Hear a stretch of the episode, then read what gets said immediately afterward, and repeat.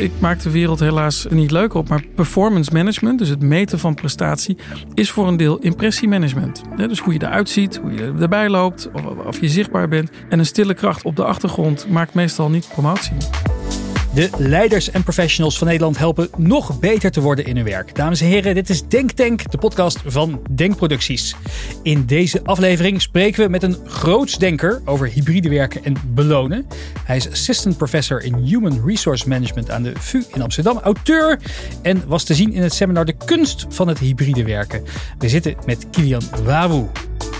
Kilian, welkom. Goeiedag. Is het Kilian Wawu of Kilian Wawu? Dat weet geen mens. Het is, het is- nee, het is Ja, maar dat is wel oorspronkelijk- goed om het begin even. Ja, het is, ja. het is van oorsprong een Afrikaanse naam. Hè. Dus alle, eh, laten we zeggen, eh, slaven die vroeger uit Afrika kwamen, die kwamen in Zuid-Amerika met hun eigen naam. Hm. En eh, die moesten ze dan afstaan. En Dat werd dan eh, dennenboom of flesje of zo. Hm. En er zijn een paar families die hebben die naam gehouden. Dus het is een originele slavennaam, eigenlijk uit West-Afrika. Maar hoe je hem uitspreekt, weet dus niemand. Mhm. Oh, Hoe spreek je hem zelf uit? Eh, ik zeg zelf altijd wawoe. Wawu. Oké. Maar eh, mijn zoon zegt altijd wawoe. Oké. Oké. Ja, Het kan, we kunnen alle, alle kanten op. ja Wat- alle kanten. Wat ik wel mooi vond, eh, als, je, eh, als je op het internet gaat zoeken naar jouw laatste boek, het Corporate Brein, is dat er staat: wie een makkelijk boekje zoekt met tips, kan het beter niet lezen. Ja. Meestal proberen managementboekauteurs, hè, iedereen het maar te slijten die het eh, wil afnemen. ja. Maar je hebt er een soort van waarschuwing bij, bij gezet. Waarom was Ja. dat? Nou, omdat ik eh, merkte dat ehm, eh, toen ik begon met onderzoek doen naar hybride werken, dat er al boeken, eh, die waren soms na een paar weken al klaar. Eh, en heel gedegen onderzoek kun je, je kunt niet in een paar weken een boek schrijven wat heel diepgaand is. Dus ik wilde, en niks ten nadele van die boeken, maar ik wilde echt naar de kern van wat is nou hybride werken, wat is nou werken op afstand. Ja, daar ben je even mee zoet. En dat is ook best wel, ja, dat is wat zwaardere kost dan de drie stappen van het thuiswerken. Hans, jij was, eh, de kunst van het hybride werken was een nieuw seminar van Denkproducties. Ja. Wat was de reden voor jullie? Hè? Je hebt duizend onderwerpen om uit te kiezen om seminars omheen te bouwen. Eh, wat was nou de reden dat je dacht, nou hier moeten we echt mensen, professionals bij helpen? Ja, nou het leuke was, eh, wij worden regelmatig, wij zijn, wij, ik zeg altijd, wij zijn een gratis sprekersbureau. Ik heb geen ambitie om sprekersbemiddeling te doen en daar een klein beetje tussen te hangen. Maar drie van de vier vragen waren, weten jullie nog iemand die iets kan vertellen over hybride werken? Zo eind van de zomer. En toen dacht ik, ja, daar kunnen we maar beter een programma over maken. En dan kunnen we zeggen, dan, hè, dan, dan kom maar gewoon naar ons eh, event toe. En toen ging ik een beetje zoeken naar wie heeft hier allemaal verstand van. En Kilian had een hele leuke, nou een leuk is niet het goede woord, maar een hele prikkelende LinkedIn post gedaan. Waarin hij zei van joh, eh, eh, hybride werken bekijken we eigenlijk allemaal vanuit onszelf. Wij zijn allemaal eh, comfortabel, we zijn senior, we kunnen lekker thuiswerken, we hebben het goed voor elkaar. Maar dat is helemaal niet de goede vraag. We moeten andere vragen stellen. Toen dacht ik, hé, hey, die moet erin. Ik had je volgens mij eerst gevraagd als columnist. Ja, klopt ja. Dan zei ja, maar dan moet, ik moet dan wel de hele dag blijven, want ik wil overal op reflecteren. En toen zei ja, maar dan kun je net zo goed ook het cement tussen de blokken zijn. En eh, toen is hij, eh, heeft hij de rol van voorzitter genomen. En dat deed hij echt eh, geweldig. Ja, Dat is echt heel leuk. was ik ook nog wel benieuwd. Nou, Kilian, hoe heb je zelf eigenlijk gewerkt in coronatijd? Ehm, ik werk voor 30% voor de Vrije Universiteit. En de andere 70% ben ik eh, spreker en, en consultant. En eh, bij de eerste lockdown was alles weg. Dus alles. Ik mocht de vuur niet meer in, uiteraard. Eh, al mijn spreekbeurten waren weg. Dus de eerste paar maanden ben ik volledig vanuit huis gaan werken. En hoe moet ik dat zien? Had je een laptopje aan de keukentafel? Had je wel een thuiskantoor? Nee, ik ben in de gelukkige omstandigheid dat ik een eigen werkkamer had met goede wifi en redelijk veel rust. Eh, totdat mijn buren gingen verbouwen. En dat was ook wel een, eh, een eye-opener. En de trampoline van mijn dochter, dat was, was de andere vijand. Eh, dat je al lang blij bent dat die kinderen van het scherm af zijn. En denk je, ja, ik kan ze natuurlijk niet dat moment gaan opnemen. Maar het, het gepiep van die, van die trampoline, dat is het geluid van de lockdown. Ja, de, de, buren vonden dat ook en dachten als retaliation om Ja. maar een verbouwing in te zetten. ja. Ja, ja precies. En eh, even, want even terugkomen op de, die reden waarom ik jou had, eh, had benaderd. Want dat is denk ik ook wel de rode draad van misschien ook wel je boek, maar ook wel waar we het eh, vandaag over kunnen gaan hebben. Wat stel je daar eigenlijk in, in die, in die post? Kun je, ik, ik kan het wel vertellen, maar het is leuk om Ja. het uit je eigen, jouw eigen mond te horen. Ja, nou wat heel veel organisaties deden toen, toen het leek dat we even naar kantoor mochten komen, is dat ze vragenlijsten gingen rondsturen met hoeveel dagen in de week wil je nou Ja. naar kantoor. En op een gegeven moment dacht ik van in die vraag zitten eigenlijk gewoon drie fouten. Het gaat ten eerste niet om jij. Maar om wij. En wat je net terecht zei, is dat mensen thuiswerken heel anders beleven. Ik vond het heel fijn. Ik heb een hele prettige periode gehad thuis. Alleen er zijn mensen die knettergek werden. Dus dat is één, het gaat niet om jou. Het gaat ook niet om eigenlijk wat je wil, maar dus ook wat is goed voor de groep. En het gaat niet alleen om hoeveel dagen ga je nou naar kantoor, maar wat moeten we daar nou doen als we er zijn? Als we dadelijk, wij zitten hier met z'n drieën. Stel, wij zijn drie collega's en we moeten twee dagen in de week naar kantoor. Dan kan het dus zo zijn dat we elkaar dus nooit meer zien. Nou, Ja. dat, dat is toch niet het idee van samenwerken. Nou, zo ben ik op het idee gekomen van werken na corona of werken na de lockdown. Welke lessen kunnen we nou trekken uit, eh, uit deze periode? En hoe is Dus om het het dat antwoord op je ja, vraag, ja. het gaat dus Ja, niet om jij, maar om wij. Precies. En, en misschien is het lekker filosofisch beginnen, is deze hele coronacrisis wel de herontdekking van het, van het wij. Eh, en ik weet niet of ik dadelijk eh, bedreigd ga worden, maar ook of je je laat vaccineren of niet, of hoe je omgaat met je gezondheid, gaat niet om jou, maar het gaat om wij. Hè, dus ik moet ook mijn zoon uitleggen. Die zei: Ik wil, ik wil dat vaccin niet. Ik, nou, oké. Nou, niet oké. Maar eh, toen zei ik: van ja, maar het, het gaat niet om jouw immuunsysteem, maar om dat van opa. ja, Dus het, het, het, jij hebt een effect op de ander. En dat is op het werk niet anders. Als jij niet komt opdagen, dan missen wij jou. Ja. Nou, daar gaat het hele boek Ja. over.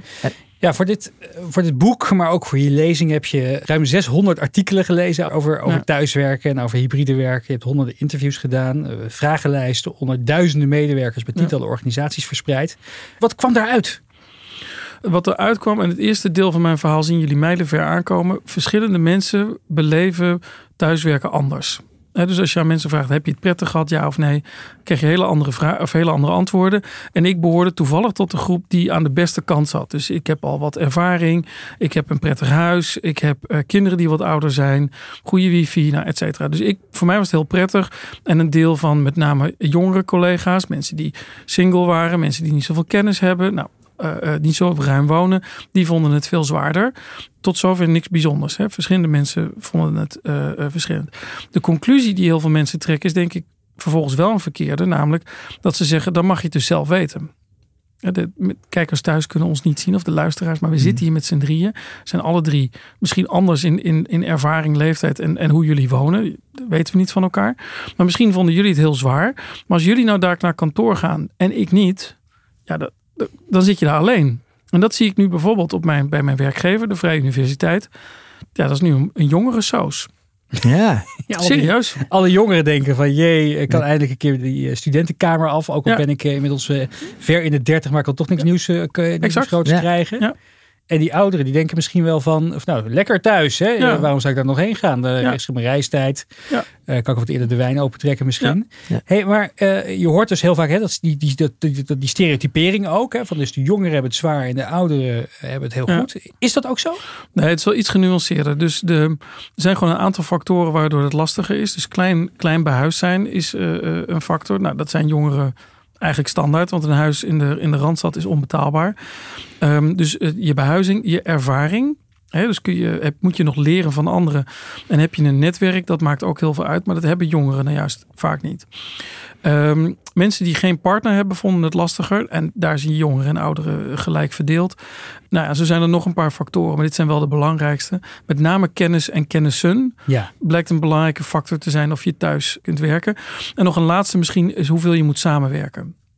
Dus als je intensief samenwerkt met anderen, maakt ook uit. Ja. Hans, hoe hebben jullie dat geregeld bij Denkproducties in de coronaperiode? Ja, dat, is, dat gaat nog steeds op en neer. Ehm, wat we nu voor de komende tijd weer gaan doen, is dat we zeggen, we gaan eh, in elk geval elke donderdag met z'n allen naar kantoor. Maar dan gaan we niet mailen, bellen, Heel goed. eh, typen. Heel goed. Eh, maar ik heb, inderdaad, ik heb een collega die zit met een kleine op 60 vierkante meter. En die wil heel graag eh, op de dagen dat ze niet eh, op haar kleine hoeft te passen naar kantoor. En ik heb een collega die is eh 25 en vrijgezel. En die wil ook heel graag naar kantoor. Gewoon Ja. voor de gezelligheid. Dus je ziet inderdaad de patronen. We hebben, de, we hebben het geluk, want jij hebt ook nog een hele eh, mooie en puntige mening over mensen die net bij je werken of nog niet bij je werken. Mhm. Dus wij hebben het geluk dat we een team hebben dat al lang bij elkaar is. Waardoor we heel makkelijk, als we 's ochtends tussen 9 en half 10 even alles doornemen, iedereen daarna weer vooruit kan. Ja. Dus dat is een super luxe. Maar net als er daar eentje bij gaat komen die echt meer begeleiding nodig heeft, ja, dan moeten we daar wel op inprikken. Ja. Ja, dat je, kan niet. Je, je zegt al heel goed, Kilian. Dus deze strategie is in ieder geval voor, voor nu werkt het. Ja, vind ik verstandig. Kijk, als, zijn, als ze bij denkproducties hadden gezegd... we gaan één dag in de week naar kantoor. Ja, hoeveel collega's heb je? Nou, zeg dat er eh, Zeven zijn zeven. Nou, Ja. dat komt dan Ja. mooi, komt mooi uit. Of nou, je werkt niet zeven dagen. Maar he- he- al- heel veel mensen zullen elkaar dan nooit meer zien. Dus dan is het heel verstandig om te zeggen... we gaan één dag in de week wel naar kantoor. En dan spreken we ook af wat we daar gaan doen. Want als Mhm. iedereen met zijn eigen noise cancelling headsets... zich vervolgens zit te ergeren aan de ander... dan heeft het ook geen zin. Dus zorg dan dat er een lunch is. Of, maar goed, nu zitten we al in de oplossing. ja, hè? ja, ja, ja. Maar in, in het kader van wat is nou eigenlijk het probleem? En dat was de samenvatting van het boek. Mensen zijn heel verschillend in hoe ze thuiswerken beleven. Maar de oplossing is niet om het individu vervolgens centraal te stellen. En in leiderschapstrainingen heb je natuurlijk toch de laatste tien jaar gehoord. We moeten dienend leider zijn. We moeten luisteren. We moeten het individu centraal stellen. En misschien moeten we dat nu eens een keertje niet doen. Nee, maar je, want je breekt ook een land inderdaad voor jonge mensen hè, die, die, die het werk af moeten kijken in hun eerste jaar, bij wijze van spreken. Maar je voegt er ook nog aan toe, en dat was, daar zat ik echt, dat ik, oh ja, wat verdikkie, de mensen die nog niet voor je werken, Ja. die hebben geen Ja. stem bij het, bij het bepalen van de werkrituelen. Precies. Hoe En- houden we daar rekening mee? Eh, en dat betekent dus, nou laten we denkproducties nemen. Je, je bent met z'n zevenen. Ehm, eh, eh, denkproducties over twintig jaar bestaat uit mensen die er, die er nu nog niet werken. Dus als je nu afspraken maakt en er komt een nieuwe pers- nieuw persoon bij, die is altijd in de minderheid. Mhm. Maar dat wordt ooit de toekomst. Ehm, dus je zult ook moeten kijken naar de groep die het het zwaarst heeft. En als dat dus jongeren zijn, dan moet je dus bij nieuwe eh, medewerkers ook rekening met hen gaan houden. Heb je, wat zijn voorbeelden die je hebt gezien waar het in dat wel goed gaat? Eh, We hebben net eentje gehoord, maar eh, als je het hebt over misschien wat grotere organisaties, waarin Ja. het ook hoger verloop is, maar ook meer nieuwe mensen komen. Die mensen wil je graag ja, opleiden, eh, meenemen in de Ja. bedrijfscultuur. Ja. Wat, heb je voorbeelden gezien in de positieve zin? Ja, nou dit voorbeeld van denken is een goed voorbeeld. Dat je dus afspreekt, niet we gaan één dag in de week naar kantoor, maar dat je er ook afspreekt welke dag dat is. En dan ook nog wat je daarna gaat doen. En dat heb ik ook bij een paar wat grotere organisaties gezien. ehm, waar ze zeiden van we spreken dus af, als we er zijn gaan we dit doen. Ja. Ja. en we zorgen en we maken een rooster dat we samenkomen. Voor zover dat natuurlijk binnen de regels mocht. Ja. Maar wat je dan af en toe ook wel hoort, hè, is dat, dat krijg je weer de discussie van dan zegt iemand, ja, maar dat is mijn vrije dag. Of Ja, hè, dan, ja. eh, dan moet ik de kinderen naar eh, opa en oma brengen in eh, Zeeland. Ja, Of, ja. maar ik denk, ik denk ook dat we best wel zijn doorgeslagen op dit moment. En ik, ik wil ook eigenlijk een lans breken voor het afschaffen van het woord thuiswerken. Het is werken op afstand. En als je dan zegt, ja, maar dan kan ik niet. Ja, maar je bent aan het werk. Bedoel, als jij dinsdagmiddag wordt je geacht te werken. En als je dat, dat niet wil, moet je vrij nemen. Maar wat ik nu zie, is mensen die zeggen, ja, ik moet dan naar yoga. Dus ik kan niet bij de vergadering zijn. Of ik moet wel mijn kinderen ophalen. Ja, weet je, het, het- werk is één en de rest is twee. Ik bedoel, dat is het idee van werk. Maar het is wel interessant, Ja, want ja. Dat, dat, dat zie je natuurlijk ook veel voorbij komen in, in menige organisatie. Dat, dat daar dat een hele. Er zijn van bijna twee smaken gekomen. Of Ja. hey, je laat je medewerkers helemaal vrij. Zo van, nou ja, weet je, je werkt op afstand en doe maar in die uren wat je wil. Dus Ja. zeg maar met de hond wandelen of, eh, of koffie drinken of, eh, of yoga. eh. Als je, en dan werk je maar wat later door. Of mensen zijn natuurlijk heel strikt in. Hè? Van je moet s ochtends een stand-up doen. Aan het eind van de dag de dagafsluiting. Ja. Wat, is daar, ja, hoe, hoe, kan je, hoe kan je daar een balans in vinden dat het best, het meest efficiënt werkt eigenlijk voor iedereen? Ja. Nou, ik denk in ieder geval, ik heb overigens geen mening over wat goed of slecht is, maar wel dat je dat met elkaar moet afspreken. En je zei het, ik heb een collega met een, een, een kleintje, die zit eh, zijn klein behuisd. Het is even een vraag aan, eh, aan Hans. Mag die persoon het kind verzorgen en tegelijkertijd werken? Zijn er afspraken over? Ehm, nou, we hebben het nu. Eigenlijk heeft zij zelf ervoor gekozen dat de dag dat zij eh, eh, eh, voor het kind er is en haar partner er niet is, Mhm. dan, dan werkt ze gewoon niet. Nee. Eh, en als ze kan, dan gaat ze dus naar kantoor. Maar er zijn Ja, dus afspraken gemaakt of je dus tijdens werktijd kinderen mag verzorgen, ja of nee. Mag je tijdens een werk eh, een hond verzorgen, ja of nee. Mag je eh, nou ja, al- kinderen ophalen, ja of nee. En het enige wat ik zeg is dat als je het niet afspreekt, dat je, en dat merk ik nu in een organisatie, dat er spanning ontstaat. Hmm. Ja, Want er zijn mensen die zitten, ik zie ook wel eens wel heel leuk, zit je in de Albert Heijn en dan zie je gewoon mensen helemaal wegduiken met die telefoon. Oh, ja, ja, ja, omdat ze ja, niet ja. willen laten merken dat ze in de Albert Heijn zijn. Ja, dat is ook niet goed. Ja, bedoel, zoals een gebleurde achtergrond, die is Ja. ideaal. ja, ja, ja, ja, ja, of ja. wel of niet in de auto zitten of, eh, of in bad. Ik heb de raarste dingen gezien. Ehm, maar de, waar het mij om gaat is, maak, dan, maak duidelijke afspraken wat maar mag, ja, Ja. of nee. Eh, maar als je het aan mensen zelf overlaat, dan zie ik nu, ik zie steeds meer excessen. Ja. ja. Ja, of ze doen wat de baas zegt, eh, volgens mij ook. Hè? Dan wordt de baas het voor. Als er geen regel is, dan doen mensen Ja. of doen wat de baas. En die gaat Ja, naar ja, kantoor. En ja. dan, dat merk ik nu ook de laatste tijd. Dat is wel interessant. Dat stond niet in het boek, omdat ik dat nu eigenlijk weer voortschrijdend inzicht. Ehm, de mensen die te veel thuis zitten, zonder echt duidelijke reden, worden toch ingeschat als eh, wat minder aangehaakt. Ja. Dan zeg ik het netjes. Hmm. Ja, dat, dat is ook altijd een beetje voor mij het argument tegen een soort van hybride werkcultuur. Hè? Ja. Dat, dat de mensen die dan niet fulltime op kantoor aanwezig zijn. Of als een deel van het team remote werkt. Noem Ja. maar wat eh, in een ander Ja. land of, eh, of zo. Nou, die zijn minder zichtbaar in de organisatie. Krijgen minder mee bij het koffiezetautomaat.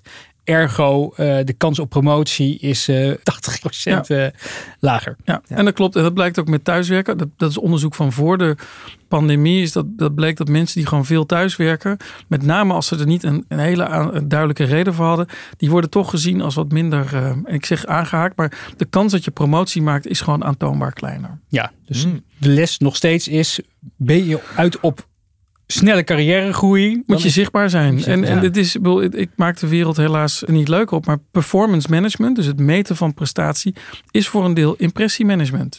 Hè, dus hoe je eruit ziet, hoe je erbij loopt, of, of je zichtbaar bent. En een stille kracht op, achtergro- op de achtergrond maakt meestal niet promotie. We hebben het inderdaad over eh, jonge mensen. Een van de, van de vergeten groepen, ook wel eens eh, genoemd. Hoe kan je die jonge mensen toch laten leren van de ervaring van anderen? Maar ook inderdaad om hun eigen kennis en netwerk op te bouwen. Ja. Als je op afstand aan het werken bent met z'n allen. Ja, nou, op, op afstand gaat het eigenlijk gewoon niet, is mijn conclusie. Dus, dus het opbouwen van een netwerk, dus het onderhouden van een netwerk op afstand gaat nog wel. Maar de Zoomborrel is echt niet een manier om elkaar te leren kennen. Dus eh, het opbouwen van een netwerk, bij voorkeur toch echt face-to-face. En de oplossing is dat als je dan weer naar kantoor mag, dat er dus momenten zijn dat je kunt verbinden en, en kennis kunt delen. Ja. Dus nou, het voorbeeld, ja, Hans, is geen afgesproken werk, maar wat jullie dus hebben afgesproken, we komen één dag in de week samen en dan gaan we niet de hele dag achter onze computer zitten. Ik denk dat dat de enige manier is, dus dat je afspreekt wat je dan gaat doen met elkaar. Ja, heb ik, ik heb nog één adviesvraag nu aan Kilian, nu, nu we het toch over hebben. Ik heb dan bijvoorbeeld ook twee collega's die 50% werken. Mhm. eh, en dus dan op donderdag werken. Maar die zeggen, ja, maar dan ben ik wel eh, van de 2,5 dag ben ik één dag. Zijn we strategische dingen aan het doen en met elkaar in gesprek. Ja. Dan, dan moet ik ineens al die andere dingen die eigenlijk mijn functieprofiel eh, zijn, in die anderhalve dag stoppen. Ja. Terwijl anderen die fulltime werken, denken, nou, dus Ja. hè, één dag is, is 20% van mijn werktijd. Ja. Dus de onevenredigheid van, van arbeidscontracten, als je één dag in de week zegt, we gaan bij elkaar zitten en dan gaan we het hebben over de toekomst van het bedrijf. Dat is een grotere belasting voor degene die eh, niet fulltime werken. Ja, Ja, dat vind ik wel grappig. Dat eh, een van de dingen waar ik achter kwam is dat hybride werken in veel gevallen efficiënter is. Dus Hmm. mensen eh, verliezen minder tijd. Ehm, en ik, ik zou er toch een flauwe vergelijking mee willen maken. Maar als ik met mijn gezin iedere avond eh, eh, bij de snackbar eet, dat is ook efficiënter. Hmm. Ehm, maar eten is ook een moment van waardeoverdracht en kennisoverdracht van de ene generatie op de ander. Of, eh, nou, je deelt iets met elkaar als je gaat eten. Terwijl er een frikandel naar binnen, binnen jast, ja, dan, dan dat is efficiënt. En met werk is dat denk ik ook zo. Dus je kunt wel zeggen, ja, dan krijg ik mijn werk niet af. Maar die zogenaamde afleiding is ook jouw werk. Het delen van jouw kennis eh, is ook jouw werk. En nou ja, in een gezin zal je niet zeggen van ik wil alleen maar efficiënt eten. Hè, laten we allemaal een, eh, zo'n tube nemen wat die eh, wielrenners nemen. Dan kunnen we weer verder. Maar het is een moment van kennisoverdracht. Nou, en die momenten moeten we op het werk denk ik ook gewoon creëren. Ja. Dus als je collega zegt van ja, dan word ik afgeleid. Of dan heb ik weinig tijd voor mijn werk. Maar hun werk is ook delen. Ja, daar heb je gelijk in. Ja. Hey, en heel veel organisaties waar, je, waar jij ook wel, denk ik wel langskomt, zien ook dat er echt wel spanningen komen door hybride of thuiswerken. Ja. Eh, misschien wel andersoortige spanningen dan daarvoor. Ja. Wat, hoe, wat, hoe zie jij dat? Spanningen die ik nu vooral zie op de werkvloer hebben te maken met regels. Dus dat mensen hun eigen regels gaan eh, opstellen. en dat Eh, daar ook weer over gepraat wordt met anderen. Hè? Van Ja. Pietje, die eh, is wel heel vaak met de hond aan het wandelen. Ja, nou, de, leuk dat je de hond noemt. De, de hond staat nu op één. Dus ik, Ja? ja. Ik, ik ben nu bij een organisatie bezig. Een aantal mensen hebben een coronahond. Dus die we gaan dan tussen de middag die hond uitlaten. Midden in Amsterdam, omdat ze daar dan wonen. En die hond moet uitgelaten worden. En mensen die de hond meenemen naar kantoor. Met als absolute dieptepunt een bedrijf waar iemand zijn herder meeneemt. En een aantal mensen de afdeling niet meer op durven. Eh, dus echt waar dit. En ehm, blijkbaar, dat zegt mij dus iets over het gebrek aan leiderschap. Dat, is, dat er niemand tegen die persoon durft te zeggen van joh, eh, ik wil je hond niet. Of tegen de rest zeggen van joh, dit is nou eenmaal beleid en als het niet bevalt, ga je ergens anders heen. Maar je kunt dat niet aan een team zelf overlaten. Nou, dit soort conflicten zijn toch wel nieuw. Eigenlijk hebben we natuurlijk, tenminste veel Nederlanders, hebben ook wel zoiets van, hè, eh, we zijn allemaal bij, bij dit, dit soort type bedrijven waar we het nu over hebben. Allemaal, weet je, we allemaal hoogopgeleide mensen. eh, Ja. We kunnen allemaal goed nadenken. Dus we kunnen het waarschijnlijk ook allemaal zelf bepalen. Dus Ja. het is misschien ook wel dat de, dat de leidinggevende het doet vanuit een soort van ja, geste naar iedereen toe. Van, Ja. hè, kijk, kijk, mij, kijk, ons is vrij zijn. Dat is een van onze culturele waarden. Ja. Dat het wordt gezien als een gift naar de medewerkers. Dat iedereen kan bepalen. Maar je zegt eigenlijk niet doen. Nee, ik zou er heel terughoudend mee zijn. Ja, zoals gezegd, als je het individu centraal zet, wat gaan de, de, de sterkste mensen doen? Of de mensen die het prettigst vinden dat thuiswerken, die bouwen een systeem rond zichzelf. En ik heb nu een paar eh, organisaties begeleid en dan kom ik daar binnen en dan zitten dus al mijn leeftijdsgenoten op de voorste rij. Van ja, je gaat me deze vrijheid toch niet meer afnemen. Want ik vind Ja. dit heel fijn. Ja. Ja. Ja, jij vindt dat heel fijn, maar de, En laten dat nou net ook de leidinggevende zijn over Ja, het exact. algemeen. Hè? Ja. Exact. En eh, milieu en, en weet ik wat voor de argumenten er allemaal komen. Eigenlijk vinden ze het gewoon fijn om af en toe thuis te zitten. Allemaal leidinggevenden met een tweede huis die, eh, die het ook wel best vinden.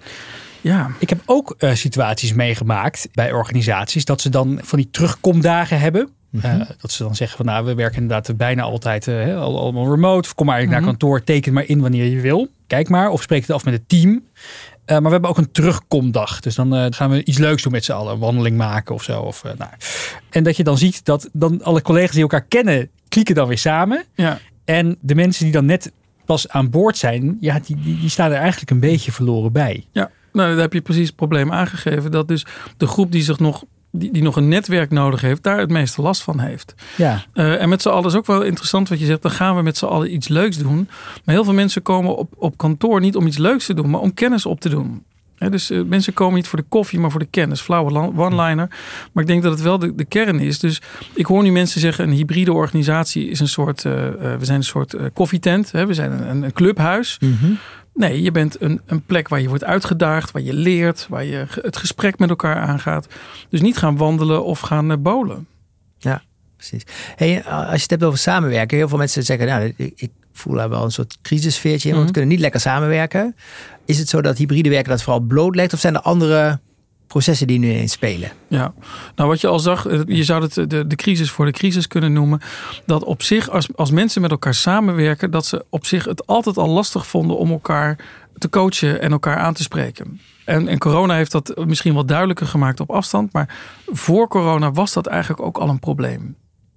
En daardoor komt het, omdat het de, de smeerolie van het bij elkaar zijn, hè, soms dingen even wat, wat makkelijker kan laten lopen, die ontbreekt, komt het wat heftiger binnen daardoor? Ja, het komt wat heftiger binnen. En het feit dat je op afstand zit, eh, ontneemt je ook de mogelijkheid om lastige gesprekken te voeren. Ja. En in, laten we zeggen, intieme relaties is het ook zo. Je kunt op afstand prima van elkaar een relatie hebben als het goed gaat. Mhm. Eh, ik heb zelf een tijd in het buitenland gewoond en mijn vrouw zat in Nederland. Maar als er dan iets is, weet je, iets met de familie of iets op het werk, dan is die afstand echt heel vervelend. En dus op zich elkaar niet zo vaak zien en elkaar bellen is prima.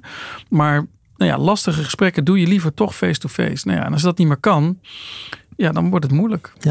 omwille van de tijd gaan we Ja. het zo nog even kort hebben over belonen. Ja, Maar we gaan eerst heel kort even luisteren naar een klein stukje uit jouw prachtige lezing bij eh, de kunst van het hybride werken. Goed, een aantal tips. Eh, tot slot nog eh, over communicatiebeleid. Jongeren communiceren anders dan eh, ouderen. Ouder is 30 plus in dit geval. Ehm, eh, maak met elkaar afspraken over communicatiekanalen. En ik hoop dat jullie één ding heb kunnen vertellen. Maar ik heb het aan mijn studenten gemerkt. Er zit hier eentje in de zaal, die mag het dadelijk getuigen. Als je een WhatsApp stuurt naar iemand van mijn leeftijd, is dat heel wat anders dan bellen. Ik heb liever dat je belt. Zij hebben liever dat je appt. Maak daar afspraken over. Ja, maak afspraken over. Wie van jullie heeft de afspraken wat CC is? Wat is dat, CC? Wat is BCC? Hoe lang mag een e-mail zijn? Maak daar afspraken over. Hele simpele dingen. Eh, maar je mailt de hele dag, terwijl we er eigenlijk nooit op reflecteren. Goed. Jits had het over werkrituelen. Ben het er helemaal mee eens? Eén werkritueel wat ik jullie voor het hybride werken wil aanraden... is het zogenaamde fake commuten. Als je een thuiswerkdag hebt, of werk op afstanddag, wat het natuurlijk wordt... loop de deur uit. Nee, eerst trek werkkleding aan. andere volger. Trek je werkkleding aan, dan weten namelijk huisgenoten ook, je bent aan het werk. Ja, dus op het moment dat ik thuis werk, heb ik deze kleren aan, zodat mijn kinderen weten, hij is aan het werk. Ga even naar buiten, ga een stukje lopen, kom terug, dan begint je werkdag. Einde van de dag, omgekeerd, even lopen en nu zet je jezelf weer uit. Ja, dat is een truc om je brein het idee te geven en je huisgenoten. Nu begint mijn werkdag en nu is hij voorbij. Met werkkleding, we weten uit onderzoek, mensen die werkkleding aan hebben, zijn productiever omdat ze in een andere stand komen. Ja, dus probeer te voorkomen dat je werkt in kleding die niet hoort bij je werk. Probeer, zeker als je op afstand werkt, een ritueel te hebben voor lichamelijke beweging. Beweeg genoeg. Als we iets hebben geleerd, is het wel dat coronakilo's echt bestaan. We hebben ook geleerd dat als je heel veel op afstand bent, wat missen dan mensen het meeste? De small talk. Als het niet anders kan, organiseer die dan online. Het blijkt dat we ongeveer 10% van de software eh, gebruiken die we hebben. Ongeveer 10%, 90% van Word, PowerPoint, Teams, Slack, weet ik veel wat, e-mail gebruiken we niet. We hebben allemaal eigenlijk behoefte aan digitale coaching. En als je daar toch zit met je digitale coach, doe er dan meteen veiligheid bij. Security. Privacy, hoe werkt het nou eigenlijk precies? Huur zo iemand in, laat hem één keer langs de hele organisatie gaan. Zo iemand levert zijn geld vele malen op. Als je op afstand bent en je hebt de kans om een thuiswerkkantoor in te richten, doe dat zoveel mogelijk dat het lijkt op een echt kantoor. En werk bij voorkeur niet vanuit je bed, vanaf je bank of vanuit bad. Vanuit bad, ik heb ze echt meegemaakt. Um, want het blijkt dat op het moment dat we onze werkplek zoveel mogelijk inrichten als een echte werkplek, we ook productiever zijn.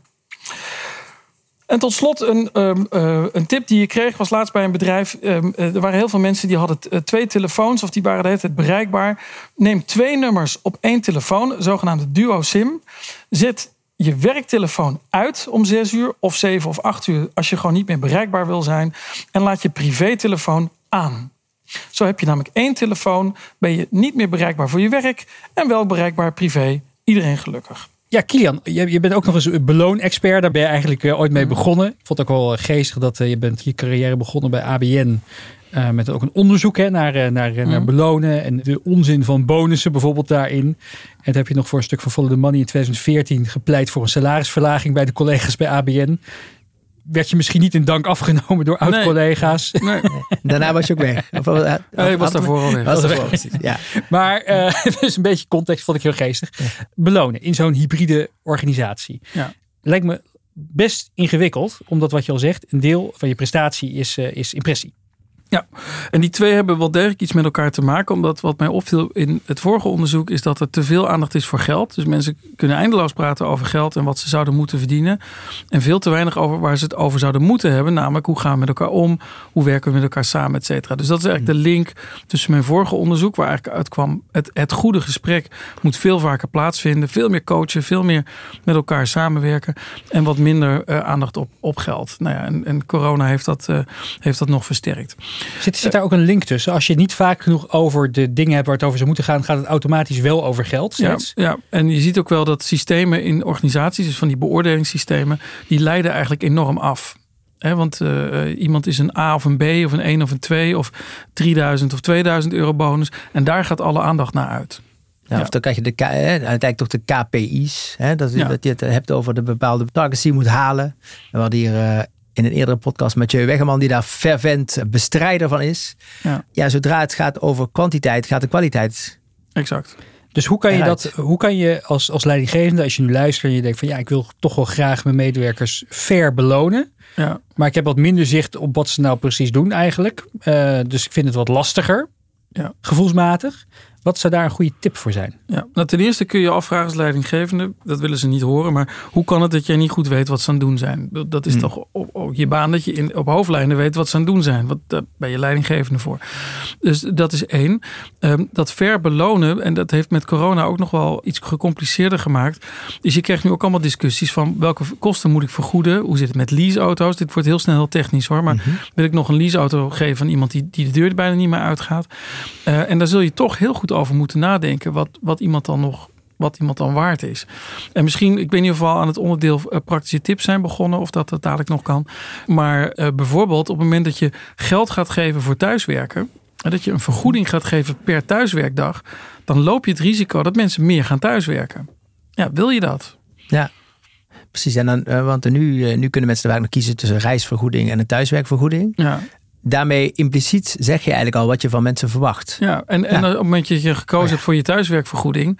en iemand zegt: kun je naar kantoor komen? Zeg je ja, dat, dat kost dan weer geld. Ja, ja, Dus ja. eh, bij belonen is het zo: waar je, waar je voor beloont, dat krijg je. Ja. Dus met die KPI's ook. Als je zegt meer kwantiteit, krijg je meer kwantiteit. Dus je zegt ga, ga meer verkopen, gaan mensen meer verkopen.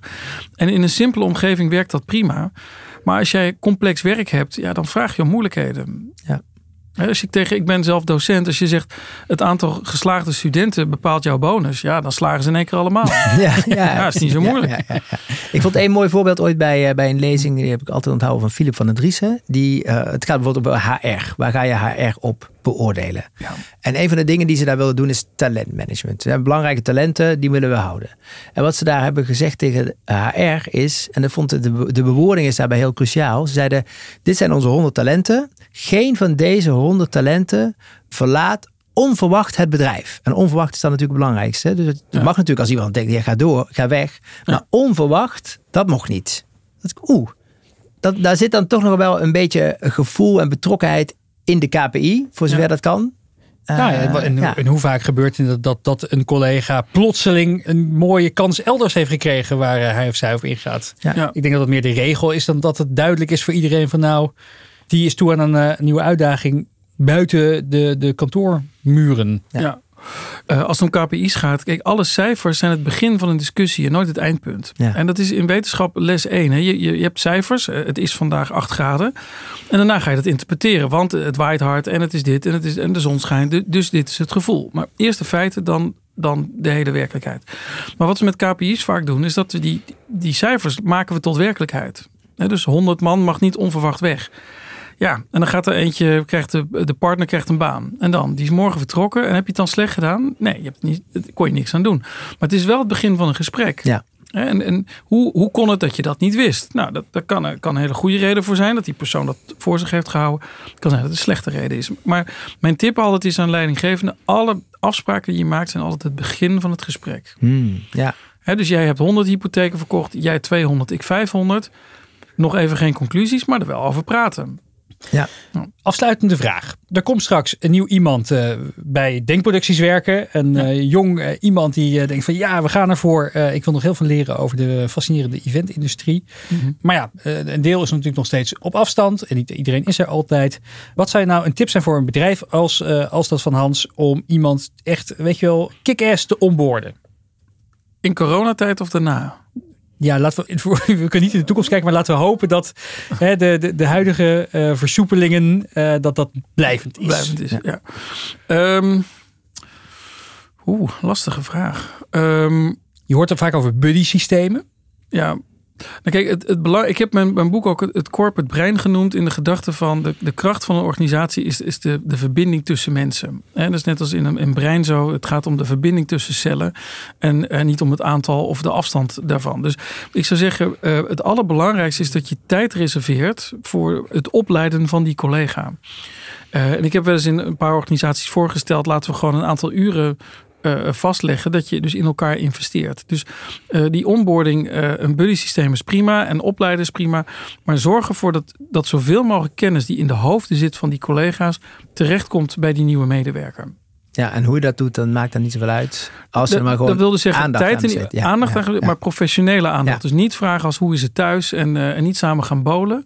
Eh, want dat doen ze wel met vrienden. Maar het gaat erom dat je zoveel mogelijk kennis deelt. Dus een professionele band opbouwt.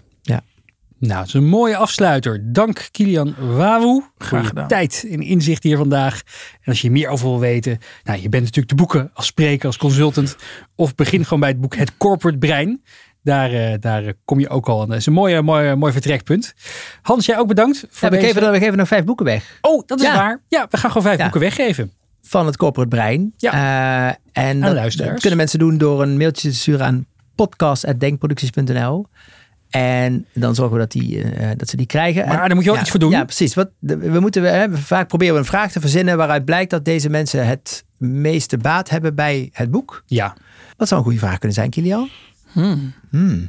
Nou, deze vraag overvalt me even. Wat is de, de, de Ja. winnende vraag of de, de- degene die er het meeste behoefte aan heeft? Ja. Nou, als, als in jouw organisatie eh, is besloten dat, dat als alleen maar is vastgelegd hoeveel dagen in de week je naar kantoor gaat, dan moet je je echt gaan afvragen of je goed bezig bent.